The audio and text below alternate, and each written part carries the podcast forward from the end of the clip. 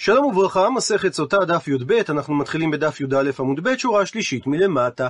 מביאה הגמרא את הפסוק, וכלב בן חצרון הוליד את עזובה אישה ואת יריעות, ואלה בניה, ישר ושובב וארדון. מקשה הגמרא, כיצד ייתכן שכלב היה בן חצרון? הרי יש פסוק שאומר, למטה יהודה כלב בן יפונה. אז אם כך, בן יפונה הוא. מתרצת הגמרא שלעולם אכן כלב היה בן חצרון. ולמה הוא נקרא בן יפונה? על שם מעשיו. בן שפנה מעצת מרגלים. ממשיכה הגמרא ומקשה, והקטה, אבל עדיין בן כנזו. דכתיב שהרי כתוב, נקרא בפנים, וילכדה עתניאל בן כנז, אחי כלב הקטון ממנו, וייתן לו את אכסביתו לאישה. ואם עתניאל היה אחי כלב, הרי שגם כלב היה בן כנז. עונה הגמרא, אמר רבא, חורגו דכנז הווה. כלב לא היה בנו של כנז, אלא בן אשתו של כנז. ועתניאל היה אחיו מאמו. הפכנו דף, די קנמי, ניתן לדייק את הדבר מפסוק אחר, דכתיב, שכאשר הפסוק מדבר בכלב ולא בעתניאל, הוא לא נקרא בן כנז, אלא כך כתוב, על כן הייתה חברון לכלב בן יפונה הכנזי לנחלה עד היום הזה, יען אשר מילא אחרי אדוני אלוהי ישראל. שמע מינה שכלב לא היה בנו של כנז, אלא מאנשי ביתו ומגידוליו של כנז. וממשיכה הגמרא ודורשת את הפסוק שהבאנו קודם. עזובה זו מרים. ולמה נקרא שמה עזובה? שהכל עזבוה מתחילתה. מפני שמתחילה חולנית הייתה. כפי שתדרוש הגמרא בהמשך, ולכן עזבו הכל בחורי ישראל מלישא אותה לאישה. מקשה הגמרא, האם הוליד כלבת עזובה? והלא מין סבה ונסיב לה. הרי הוא התחתן עם עזובה במידה ומדובר על מרים. עונה על כך, אמר רבי יוחנן, כל הנושא אישה לשם שמיים, הוא מסביר רש"י כגון במקרה לפנינו שמרים הייתה חולה, ונשאה כלב לשם שמיים, כי הוא בדק באחיה שהם אהרון ומרים, וראה אותם צדיקים, ורוב בנים דומים לאחיה הם. לכן הוא נשאה לאישה, במקרה כזה מעלה עליו הכתוב כאילו ילדה. וממשיכה הגמרא לדרוש את הפסוק, המילה יריעות מעידה שהיו פניה של מרים דומים ליריעות. אומר רש"י בלי תואר של אדמומית, כי מחמת חוליה הייתה ירק רוקת. ובהמשך הפסוק ואלה בניה, דורשת הגמרא, אל תקרא בניה, אלא בוניה. זאת אומרת שלהלן השמות של בעלה כלב, שבנאה ועשאה מבונה כשאר נשים בנישואים. והבנים שמנויים בפסוק, ישר ושובב וארדו. ישר שאישר כלב את עצמו, מלטעות את טעות המרגלים. שובב ששיבב את יצרו, מסביר רש"י שובב מלשון הבת השובבה, שהיא יוצאנית ומורדת, וכלב מרד בעצתן של מרגלים. וארדון לשון שרדה את יצרו, שהיה יצרו מסיתו לטעות עמהן. ואיכא דאמרי ויש אומרים שמשמעות המילה ארדון על שם שהיו פניה של מרים לאחר שהתרפאה דומים לוורד. פסוק נוסף בדברי הימים, ולאשחור אבי תקוע היו שתי נשים חלאה ונערה. ודורשת הגמרא אשחור זה כלב, ולמה נקרא שמו אשחור? שהושחרו פניו בתעניות הרבה שהוא קיבל על עצמו כדי שיזכה להינצל מעצת מרגלים. ומשמעות המילה אבי שנעשה לה למרים כאב, והתעסק לה ברפואות ומזונות הצריכים לחולה. ומשמעות המילה תקוע שתקע את ליבו לאביו שבשמיים, שלא להיות בעצת המרגלים. ולשון הפסוק היו שתי נשים, הכוונה שנעשה מרים כשתי נשים. ולכן קראו לה חלאה ונערה. לא חלאה ונערה הווי, לא שהיא נקראה בשתי השמות כאחת, אלא שבתחילה קראו לה חלאה ולבסוף נערה. שבהתחלה קראו לה חלאה מלשון חולי, ולבסוף כשהתרפאה קראו לה נערה, כי היא חזרה בתואר פנים כנערה.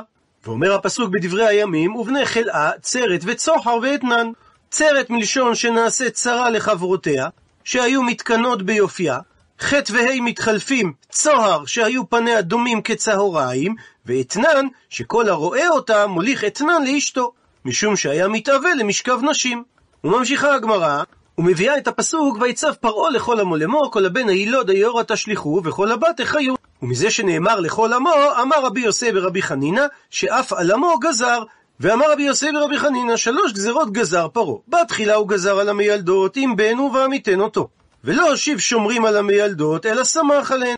ולפי גרסת מסורת הש"ס, ואחר כך הוא גזר שכל הבן הילוד היורה תשליכו, שהושיב שומרין וכסודרין לדבר. ולבסוף אף על עמו גזר. שבהתחלה הוא גזר רק על היום שבו נולד משה, וכיוון שעבר אותו היום ועדיין היו רואים מצטגניניו שלא לקם משה, העמיד את הגזרה עד ליום שהושלך משה ליאור. ומביאה הגמרא פסוק נוסף, וילך איש מבית לוי. שואלת הגמרא, להיכן הוא הלך? עונה על כך, אמר רב יהודה בר זבינה, שהלך בעצת ביתו. טענה שכך שנינו בברייתא, אמרם גדול הדור היה, והיו הכל נשמעים לדבריו. נקרא לפי מסורת הש"ס, כיוון שגזר פרעה הרשע, כל הבן הילוד היורא תשליכו, אמר עמרם לשווא אנו עמלים, עמד וגירש את אשתו, ובעקבות כך עמדו כולן וגירשו את נשותיהן. אמרה לו בתו, אבא, קשה גזירתך יותר משל פרעה, שפרעה לא גזר אלא על הזכרים, ואתה גזרת על הזכרים ועל הנקבות. פרעה לא גזר אלא בעולם הזה, שנולדים ומתים, וחוזרים וחיים הם לעולם הבא. ואתה גזרת בעולם הזה ולעולם הבא. שכיוון שאינם נולדים, אז אינם באים כלל לעולם הבא. פרעה הרשע, ספק מתקיימת גזירתו, ספק אינה מתקיימת, אבל אתה צדיק, אז בוודאי שגזירתך מתקיימת, שנאמר, פסוק באיוב, ותגזור עומר ויקום לך, ועל דרכיך נגע אור. שמע אמרם את דברי ביתו, עמד והחזיר את אשתו, ובעקבות כך עמדו כולן והחזירו את נשותיהם. אבל אם כך שואלת הגמרא, מדוע כתוב וייקח? הרי ויחזור מביילי, צריך היה להיות כתוב. ענה על כך, אמר רבי יהודה בר זבינה, למה כתוב וייקח? שעשה לה מעשה ליקוחין והושיבה בהפריון, כאילו זה הנישואים הראשונים, ואהרון ומרים מרקדים לפניה, ומלאכי השרת אמרו, פסוק מתהילים, מושיבי עקרת הבית, הם הבנים שמחה, הללויה. ממשיכה הגמרא ושואלת, כתוב וייקח את בת לוי, אבל אפשר שיוכבת בת 130 שנה הביה, וקרי לבת? הרי הלשון בת מתייחס לנערה צעירה. והמקור לכך שיוכבת הייתה בת 130, מפני שנאמר, כל הנפש לבית יעקב הבא מצרימה 70. אבל מוזכרים רק 69 נפשות. עונה על כך, דאמר רבי חמא ברבי חנינא, זו יוכבת שהורתה בדרך ולידתה בין החומות, שנאמר, ושם אשת עמרם יוכבת בת לוי, אשר ילדה אותה ללוי במצרים, ותלד לעמרם את אהרון ואת משה ואת מרים אחותם. הוא מדויק מלשון הפסוק, אשר ילדה אותה ללוי במצרים, שלידתה הייתה במצרים, ואין הורתה במצרים. ועוזר לנו רש"י בחשבון, שישראל עמדו במצרים 210 שנים, ומשנולד משה לא נתעכבו אלא 80 שנה, שהרי כתוב ומשה בן 80 שנה, כאשר הוא ואהרון בדברם אל פרעה, ואותה שנה יצאו ממצרים, אז נמצא שהזמן שעבר מירידתם עד שנולד משה 130 שנה, וכפי שתגורר הגמרא בהמשך, כשהחזיר עמרם את יוכבת היא כבר הייתה מעוברת ממשה, הרי שהיא ילדה אותו כאשר היא הייתה בת 130. אז מדוע הפסוק מכנה אותה בת? עונה על כך, אמר רב יהודה, מפני שנולדו בה סימני נערות. הוא מסביר רש"י, שיוכבת חזרה לימי הלומיה גם לגבי אורח נשים שהתחילה לקבל וסת וגם בתואר הפנים שנפשטו הקמטים. ועל הפסוק, ותער האישה ותלת בן, שואלת הגמרא, מדוע מצוין בפסוק שהיא נכנסה להיריון, והאהבת מאברה בית לה תיירכי מעיקרא? הרי כפי שתוכיח הגמרא בהמשך, יוכבד לא נכנסה להיריון אחרי שעמרם החזיר אותה, אלא הייתה מעוברת כבר שלושה חודשים לפני כן. עונה על כך, אמר רב יהודה בר זבינה, מקיש הפסוק לידתה להורתה. מה הורתה שלא בצער, אף לידתה שלא בצער. מכאן לנשים צדקניות שלא היו בפיתקה של חווה. דהיינו בגזר הדין שנגזר על חווה וזרעה, לעניין בעצב תלדי בנים. ועל הפסוק, ותרא אותו כי טוב הוא, תניא שנינו בברייתא. רבי מאיר אומר, טוב היה שמו של משה.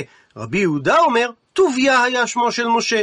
רבי נחמיה אומר, שהמילה טוב מלמדת שיוכבת ראתה ברוח הקודש שעתיד משה להיות הגון לנביאות. אחרים אומרים שהמילה טוב מעידה על כך שנולד משה כשהוא מעול, וחכמים אומרים, בשעה שנולד משה נתמלא הבית כולו אור. והמקור לכך, כתיב אחא ותרא אותו כי טוב הוא, וכתיב הטעם במעשה בראשית, וירא אלוהים את האור כי טוב.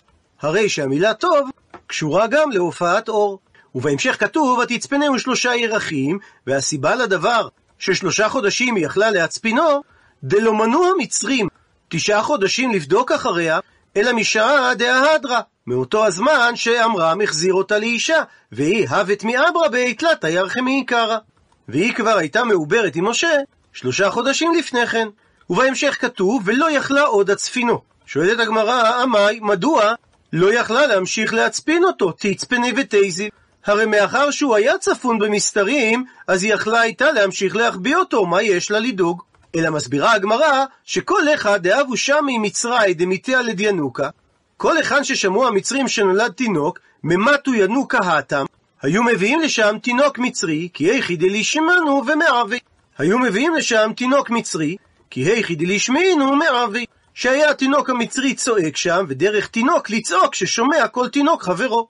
והדבר נרמז דכתיב, פסוק בשיר השירים, החזו לנו שועלים, שועלים קטנים, מחבלים כרמים, וכרמנו סמדר. הוא מסביר רש"י שבקריאת ים סוף, בת קול היה אומר למי הים, החזו לנו את השועלים הקטנים, שאלה החיילים המצריים, שהם חיבלו את הכרמים בהיותם סמדר. והכוונה בעוד הפרי קטן, שהם עזרו למצרים לגלות את תינוקות ישראל. ובהמשך כתוב, ותיקח לו תיבת גומה. שואלת הגמרא, מה ישנה גומה? מדוע השתמשה יוכבד דווקא בגומה, שהוא יחסית חלש ולא בעצים קשים יותר? עונה על כך, אמר רבי אלעזר, מכאן לצדיקים שממונם חבים עליהם יותר מגופן. והגומה דמיו מועטים, אז אף על פי שהיה משה משתמר גופו יותר בשל עצים קשים וחזקים, הסתפקה יוכבד בתיבת גומה. וכל כך למה? לפי שאין הצדיקים פושטים ידיהם בגזל. רבי שמואל בר נחמני חולק, והוא אמר שדבר רך, כגון הגומה יש לו עדיפות, שיכול לעמוד בפני דבר רך ובפני דבר קשה. אז הרי הוא משתמר יפה מן הכל, לפי שהדבר הקשה, כשהמים מוליכים אותו בחוזקה, אז כאשר הוא נתקל, הוא נשוף ונשבר. אבל דבר קל שנתקל, לא נשבר, אלא נזדקר לאחוריו. וכתוב, התחמרה בחמר ובזפת. תנא, שנינו על כך בברייתא. חמר היה מבפנים וזפת מבחוץ, והסיבה, כדי שלא יריח אותו צדיק ריח רע. ובהמשך כתוב, ותשם בה את הילד, ותשם בסוף על שפת היאור. רבי אלעזר אומר, שהמילה סוף, הכוונה לחיבור של ים סוף עם היאור, שהמים לא זורמים שם בחוזקה, ולכן הסיכוי שמשה יישאר בחיים היה גדול יותר. רבי שמואל בר נחמני אמר, שמשמעות המילה סוף, הפכנו דף היא אגם. כדכתיב, פסוק בישעיהו, והזניחו נהרות, דללו וחרבו יאורי מצור, כנבסוף קמלו. ושם קיים סיכוי גדול יותר שלא ימצאו את התיבה של משה. ובהמשך כתוב, עטרת בת פרעה לרחוץ על היאור. אמר רבי יוחנן משום רבי שמעון בן יוחאי, מלמד שירדה לרחוץ מגילולי אביה. דהיינו, לטבול שם לשם גרות. וכן הוא אומר, פסוק בישעיהו, אם רחץ אדוני את צועד בנות ציון ואת דמי ירושלים ידיח בקרבה, ברוח משפט וברוח באר. ומכאן הוכחה שהשב ומתנקה מעוונו קרוי רחוץ. ובהמשך כתוב, ונערותיה הולכות על יד היאור. והלשון הולכות היא לשון מיותרת, אמר רבי יוחנן, אין הליכה זו אלא לשון מיתה. כפי שתפרש הגמרא, שהיו נערותיה ממחות בידה, שלא תציל את הצדיק, וזה גרם להם שהם מתו. וכן הוא אומר לגבי לשון הליכה, ויאמר עשיו, הנה אנוכי הולך למות, ולמה זה לי בכורה? ובהמשך כתוב, ותראת התיבה בתוך הסוף. כיוון דחזו, כיוון שראו נערותיה דקבאי להצולה למשה, שהיא רוצה להציל את משה, אמרו לה, גבירתנו, מנהגו של עולם שמלך בשר ודם גוזר גזרה. אם כל העולם כולו אין מקיימים אותה, בניו ובני ביתו לפחות מקיימים אותה, ואת עוברת על גזירת אביך? מיד בא גבריאל וחבטן בקרקע. ובהמשך כתוב, ותשלח את המתה ותיקחיה. נחלקו בדבר רבי יהודה ורבי נחמיה. חד אמר שהמילה המתה הכוונה לידה, וחד אמר שהמילה המתה הכוונה לשפחתה, ומבאר את הגמרא. מאן דאמר שהמילה המתה הכוונה לידה, דכתיב המתה. ומשמעות המילה אמה זה יד. ומאן דאמר שמשמעות המילה המתה הכוונה לשפחתה, זה מדלא כתיב את המילה ידה במפורש. מקשה הגמרא ולמאן דאמר שפירוש המילה המתה זה שפחתה, האמרת שבא גבריאל וחבטן בקרקע, אז איזה שפחה נשארה לה? עונה הגמרא, דשייר לחדה, גבריאל חבט את כל השפחות למעט אחת שאותה הוא שייר, דלאו אורחא דבת מלכה למיקם לחודה. שזה לא דרך ארץ לבת המלך, לעמוד לבדה. מקשה הגמרא, ולמאן דאמר שפירוש המילה המתה הכוונה ידה, לכתוב ידה. מדוע הפסוק לא נקט במפורש את המילה ידה? עונה הגמרא, הקמה השמלן, מפני שבא הפסוק להשמיע לנו, דאישתרבה וישתרבובי. שנעשה נס וידה של בת פרעה התארכה מאוד עד שהגיעה לתיבה של משה. דאמר מר שכך שנינו במסכת מגילה, שאמרו שם ששרביט הזהב של אחשורוש נעשה בו נס והוא התארך עד שהוא הגיע למקום ששם עמדה אסתר, וכן אתה מוצא נס דומה בהמתה של בת פרעה, וכן אתה מוצא בשיני רשעים. כפי שמספרת הגמרא במסכת ברכות לעניין שיניו של עוג מלך הבשן, שכאשר הוא עקר הר שאורכו שלוש פרסאות ורצה להשליכו על מחנה ישראל, נמלים נקבו את ההר באמצעיתו, הוא נפל לו מסביב לצוואר, וכאשר הוא בא להוציא אותו, עשה השם נס ושיניו השתרבבו לכאן ולכאן, והוא לא יכל להוציא את ההר. והדבר רמוז דכתיב, פסוק בתהילים, קומה אדוני הושיעני אלוהי כי הכית את כל אויבי לחי, שיני רשעים שיברת. ואמר על כך ריש לקיש, אל תקראי שיברת אלא שרבבת. ובהמשך כתוב, ותפתח ותראהו את הילד. שואלת הגמרא, ותרא מבעילי. במקום המילה ותראהו, צריך היה להיות כתוב ותרא. אמר על כך רבי יוסי ברבי חנינא, שראתה בת פרעה שכינה עמו. ולפי זה מסביר רש"י, שהמילה עת משמעותה עם. כמו משמעות הפסוק, לא שלח יעקב את אחיו. ובהמשך כתוב, והנה נער בוכה. מקשה הגמרא, קרי לילד וקרי לנער. מדוע בהתחלה הפסוק קורא לו ילד ובהמשך הוא קורא לו נער? עונה הגמרא תנא, שנינו על כך בברייתא, הוא ילד וקולו נער, זה דברי רבי יהודה. אמר לו רבי נחמיה, אז אם כן, עשיתו למשה רבנו בעל מום, שאם הוא ילד קטן ויש לו קול של נער גדול, הרי זה אחד מהמומים שפוסלים אדם משבט לוי לעבודת השיר בבית המקדש. אלא מלמד שעשתה לו עמו חופת נעורים בתיבה, משום שאמרה, שמא לא אזכה לחופתו. כך שהמילה נער לא מתייחסת לקולו של התינוק, אלא לחופת נעורים שקישתה את התיבה. ובהמשך כתוב, ותחמול עליו, ותאמר מילדי העברים זה. מקשה הגמרא, מנאי ידעה בת פרעה שמילדי העברים הוא, אמר רבי יוסי ברבי חנינא, שראתה אותו מהול. ועל המילה זה אמר רבי יוחנן, מלמד שנתנבאה שלא מדעתה באופן הבא, זה נופל ואין אחר נופל. שלאחר שמשה נפל ליאור, אין תינוק אחר נופל ליאור, שהרי אותו היום ביטלו גזירתם. והיינו דאמר, וזה תואם למה שאמר רבי אלעזר. מאי דכתיב?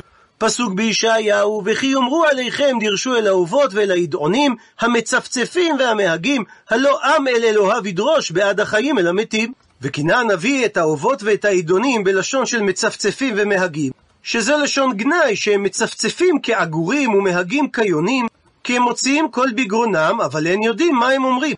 וכך דרך ההצטגננים, שאינן רואים אלא סימן, אבל לא את פירושו של כל דבר. ובלשון הגמרא, שהם צופים ואינם יודעים מה צופים, מהגים ואינם יודעים מה מהגים, שהם ראו שמושיעם של ישראל במים הוא לוקה, ולכן עמדו וגזרו כל הבן הילוד היורה תשליכו, וכיוון דשדיוע שזרקו למשה במים, אמרו ההצטגננים, תו לא חזינן כי ההוא סימנה. אנחנו לא רואים יותר את הסימן שמושיען של ישראל לוקה במים.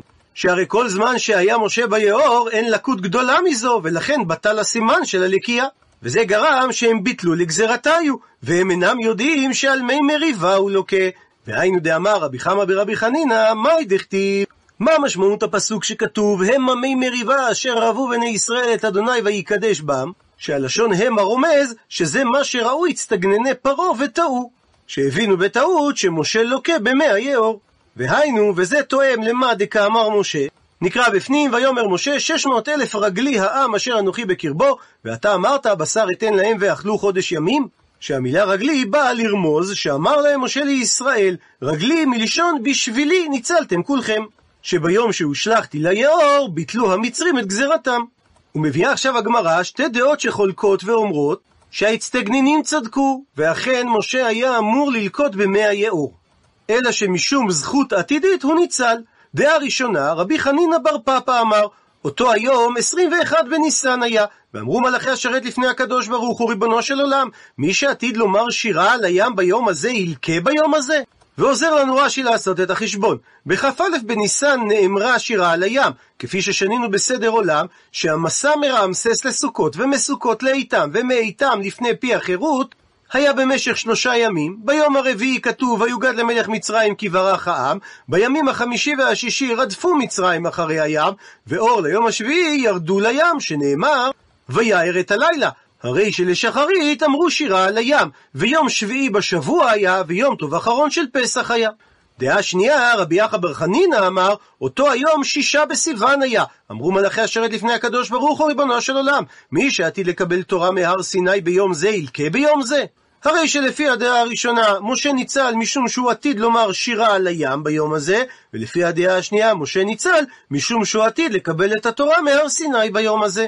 מקשה הגמרא, בישלמה נוח לי למאן דאמר, שזה רבי חנינא בר פפא, שמדובר בתאריך בשישה בסיוון, מפני שמשכחת לה ג' ירחי. ניתן למצוא שלושה ערכים מהלידה ועד ששמו אותו ביאור. דאמר מר, בשבעה באדר מת ובשבעה באדר נולד משה. ומשבעה באדר ועד שישה בסיוון, תלת ירחי. יש שלושה חודשים, אלא למאן דאמר.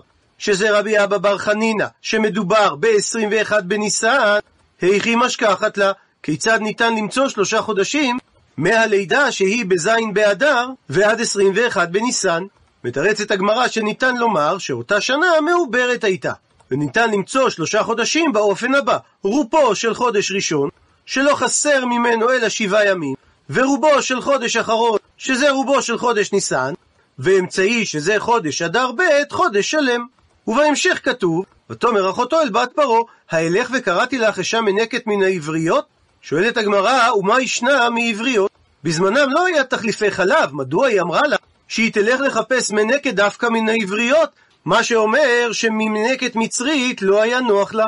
מלמד שהחזירו למשה על כל המצריות כולן ולא ינק, משום שאמר הקדוש ברוך הוא, פה שעתיד לדבר עם השכינה ינק דבר טמא, והיינו דכתיב, והדבר נרמז בפסוק בישעיהו, את מי יורה דעה ואת מי יבין שמועה, גמולי מחלה ותיקי משדיים. וכך נדרש הפסוק, למי יורה דעה ולמי יבין שמועה, לגמולי מחלב ולעתיקי משדיים. הוא מסביר רש"י, למי לימד הקדוש ברוך הוא תורה? למי שגמל והפריש עצמו מחלב טמא, ונעתק מן השדיים הטמאים. ובהמשך נאמר, ותאמר לה בת פרעה לכי, ותלך העלמה ותקרא את אם הילד. אמר רבי אלעזר, מלמד שהלכה בזריזות כעלמה. שעלמה כל כוחה עליה, ומרים באותו זמן הייתה רק בת שש.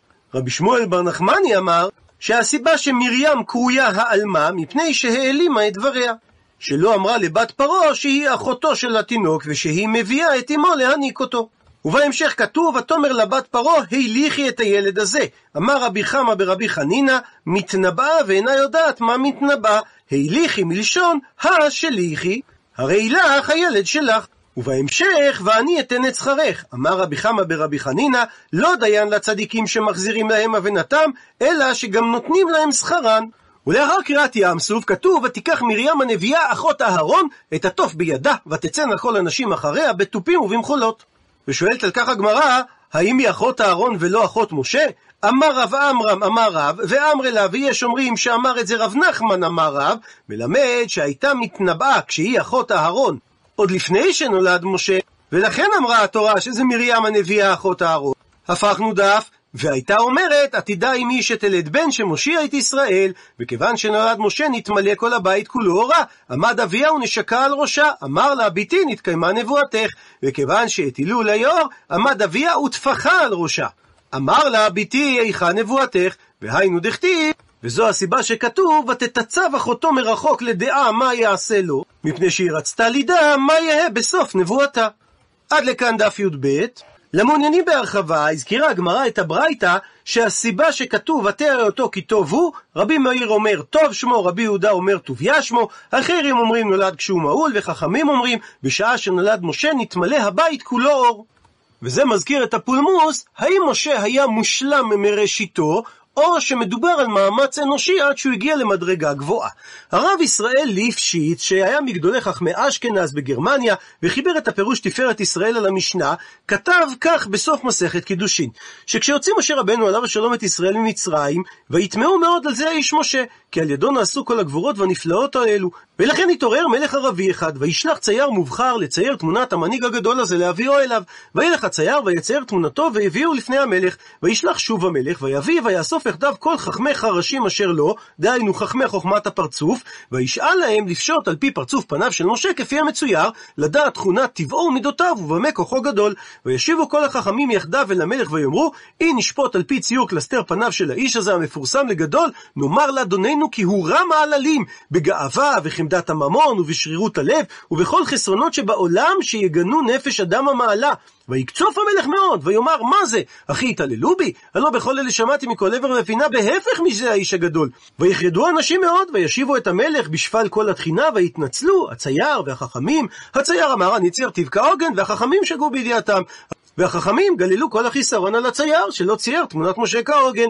והמלך, אשר נחשף לדעת מי משניהם יצדק, נסע ברכבו בפרשה, ויבוא אל תוך מחנה ישראל, ובבואו ויישא עיניו, וירא את משה איש האלוהים מרחוק, וימהר ויקח את הציור מתוך חוצנו, ויבט, והנהו כתמונתו וכצלמו כאשר ציירו הצייר, קולע אל השערה ולא יחטיא. ויפוג ליבו, ויפלא, ויתמד מאוד, וילך ויבוא בעצמו אלוהי איש האלוהים, ויכרע וישתחווה לאפיו, ויספר למשה את כל הדברים האלה אשר נעשו. ויאמר עוד, בי אדוני איש האלוהים, הנני קודם ראותי פניך פני אלוהים, אמרתי, אך אולי הצייר שגה במלאכתו. אך אתה אחרי ראותי כתמונתך מכוונת אל הציור אשר הביא הצייר, לא נותר בי אשמה רק לומר, כי חכמיי בגדו בי, ויען משה איש האלוהי ויאמר, לא כן, גם הצייר, גם חכמיך, נפלאים הם בידיעתם וחוכמתם, אולם דע לך, כי לולא הייתי בטבע באמת, כפי ששמעת ממידותיי, לא טוב אנוכי מבול עץ יבש. ואם כן, אחי בעבור זה יהיה יקר בעיני אלוהים ואדם, אמנם כן ידידי, לא אבוש לומר לך, כי כל החסרונות אשר שפטו עלי חכמיך, כולם קשורים בי בטבע, ואפשר עוד יותר מאשר שפטו חכמיך.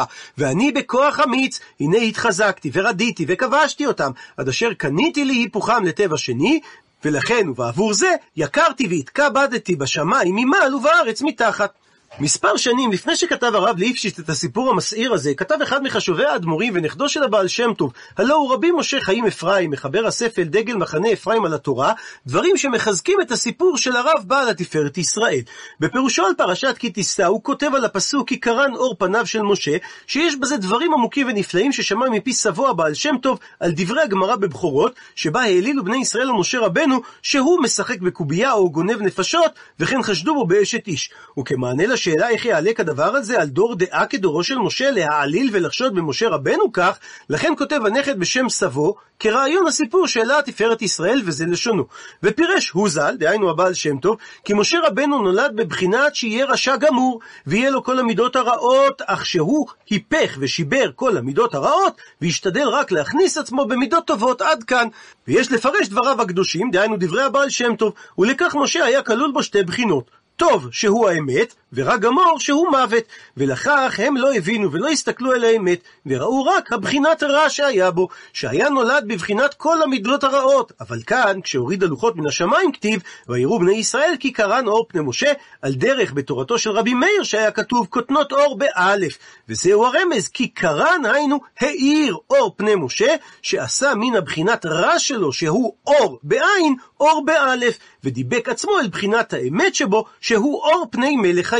אבל כנגד שתי הדעות שראינו, המגיד מווילקו מירר, הגאון רבי חיים יצחק אהרון רפפורט, יצא חוצץ נגד הסיפור המובא בתפארת ישראל, והוציא לאור קונטרסים בשם כליל תפארת וקינת האמת, בהם הוא העריך להוכיח את זיוף המעשה המובא על משה רבנו. והוא כתב שהסיפור הוא הפך דברי התורה שבכתב ושבעל פה, וזה ביזוי וחירוף לקדוש השם וקדוש ישראל, ובהקדמתו הוא כתב שמצווה לטשטש המכתב בדיו, כדי שיתפרסם שהוא מזויף לגמרי, וכנראה שגם מינות נזרקה בתפארת ישראל.